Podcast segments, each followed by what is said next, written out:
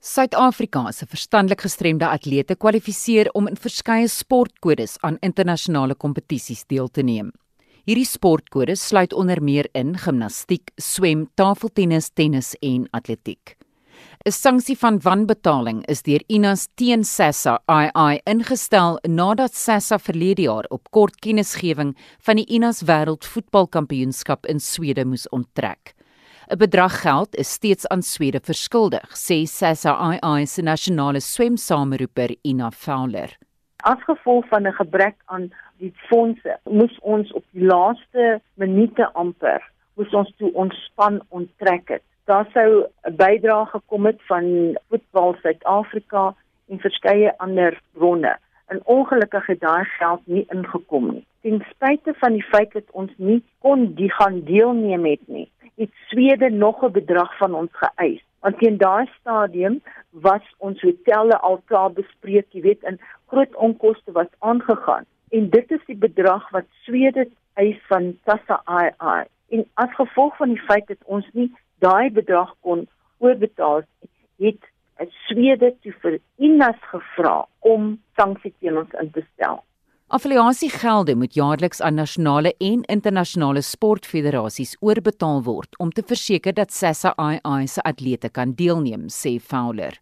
Die departement van sport ons het 'n sekere bedrag wat ons jaarliks van hulle ontvang en deel van daardie onder ons administrasie gedeelte is dan fooie wat ons oorbetaal aan al die verskillende federasies vir ons affiliasie fooie. Dit is beide plaaslik sowel as internasionale organisasies waaraan ons geaffilieer is.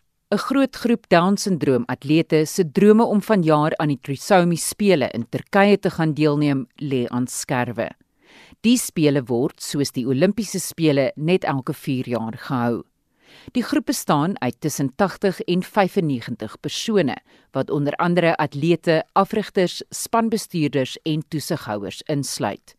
Die probleem hier is met ons deelname aan die Trisomi spele is die feit dat ons het nie genoegsame fondse om 'n span te stuur nie. Ook affiliasie fooie wat oor moet betaal word aan die CISO en die verskillende uh, federasies vir die downs, maar dit is nie die hoofrede hoekom ons nie gaan nie. Die hoofrede is daar is nie fondse beskikbaar om 'n multi-coded span oor te stuur na Turkye nie. Tydens die Trisomi spele wat in 2016 in Italië gehou is, het die Suid-Afrikaanse span 79 medaljes verower. Van die atlete hou verskeie wêreldrekords. Een atleet wie se droom om 'n goue medalje huis toe te bring verpletter is, is die 15-jarige Minke Jansen van Rensburg. Haar pa Henny sê sy Down-sindroom dogter het op die ouderdom van 13 begin swem. Minke het by haar skool, daar het die vrou wat die sport afrig by Karpeen skool wat 'n skool is vir gestremdes haar talent opgemerk en sy het vir my gesê Minke is uiters kompeterend en dit sy my meegedeel van die SAIE, South African Sports Association for Intellectually Impaired, se nasionale byeenkoms. En ons het Minke so intoe gevat in Pretoria en sy is onmiddellik verkies in die nasionale span in. Dit was 'n geleentheid wat nie elke dag gebeur nie. Daar was spesiale vergaderings gereël om haar te akkommodeer omdat sy minderjarig is. Want soos ek verstaan, word minderjarige intellektueel gestremdes volgens die SASCO-reëls nie toegelaat om in die buiteland te toer nie. Maar Minke se tye was dat sy medalje kandidaat was in die oop kategorie volwasse vrouens. By 'n internasionale byeenkoms in Kanada in 2018 stel Minke 'n internasionale junior wêreldrekord op en swem 2 brons en 2 silwer medaljes los in die oop kategorie vir volwasse vroue. Intussen het sy met ander byeenkomste haar tye aansienlik verbeter en haar kans om moontlike goud los te kon swem was groot. Hy sê hy is baie teleurgestel dat sy nie kan gaan nie. Sy is baie kompeterend, maar sy besef nie hierdie is 'n wêreldkampioenskap nie. So vir haar is dit geval van die gala is afgestel en ons gaan nie Turkye toe nie. Maar ons as ouers wat sien hoe hard oefen ons kind. Sy oefen net so hard soos enige ander sportpersoon, elke dag baie ure en hoe dit haar persoonlikheid beïnvloed as sy gereken word as hierdie sportvrou en mense haar herken en so aan is baie ongelukkig daaroor want Minke het baie potensiaal en ons glo dit sal net goed wees as ons land daar verteenwoordig. Dit is nie net Minke nie. Dis 'n totaal van 9 Down syndroom swemmers wat gekwalifiseer het en nie kan gaan nie. Janse van Rensburg sê die ouers van die nege swemmers in die span het aangebied om self vir hul kinders te betaal om die spele by te woon, maar Sessa II het geweier.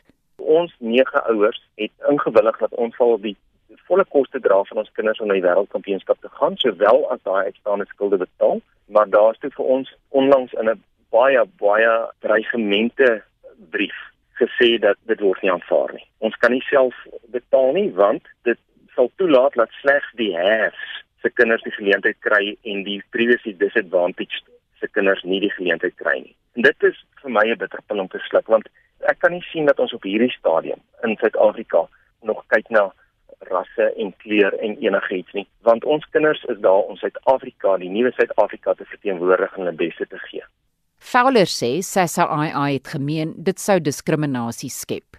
Dit is 'n groot span wat sou moet oorgaan. Dit is 'n paar miljoen rand waarvan ons praat hier. En die groot probleem hier is dat Sassa is bekommerd dat daar net sekere atlete mag oorgaan indien net sekere bedrae ingesamel word. En hulle het gevoel hulle sal nie net 'n gedeelte van die span wil wat oorgaan nie, hulle sal verkies dat die volledige span moet gaan. Ouers het die Vryheidsfront Plus gevra om in te gryp.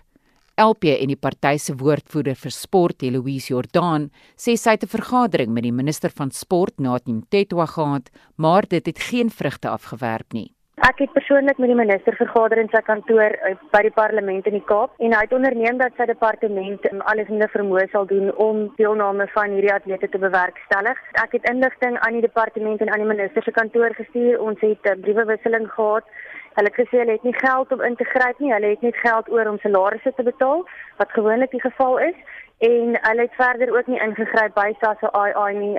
Janse van Rensburg sê die minister van sport het sy kind in die parlement voorgehou as 'n voorbeeld van gestremde atlete in die land aan wie die departement van sport geld sal uitdeel om internasionaal te kan deelneem, maar min het van die edele beloftes gekom. Sy het gevra om op te staan en in in ons minister het gesê daar sal geld beskikbaar gestel raak vir gestremdes om internasionaal mee te ding en dit is nou nie gedoen nie.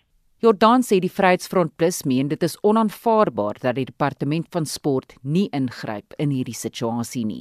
Dit help nie wysigingswetsontwerpe word op die tafel geplaas waar gestremde atlete betrokke is, wêreldkampioene, mense met wêreldrekords betrokke is, nie kan ingryp nie waar hulle hulle nie in staat kan stel en inklusief kan wees soos wat die departement nie spog om hulle in staat te stel om deel te neem nie. Dit was die eerste keer sedert die Global Games in 2004 ingestel is wat Suid-Afrika nie 'n verteenwoordigende span van atlete daar gehad het om mee te ding nie. Dieselfde geld vir die Trisomi spele en die wêreldswemkampioenskappe vir Down-sindroom swemmers waarin Suid-Afrika al sedert 2002 deelneem. Fowler sê dit is besonder hartseer dat hierdie atlete hul drome moet opgee. Ons atlete, jy weet, werk vir 4 jaar. So dit is 'n groot hartseer storie vir al ons topatlete. Jy weet wat baie insit en baie hard gewerk het om voorberei te wees vir hierdie spele. Selfs al word daar nou ingegryp, sal dit waarskynlik te laat wees vir die atlete om steeds aan die Trisomi spele in Turkye te gaan deelneem. Ek is Estie de Klerk vir SAK nuus.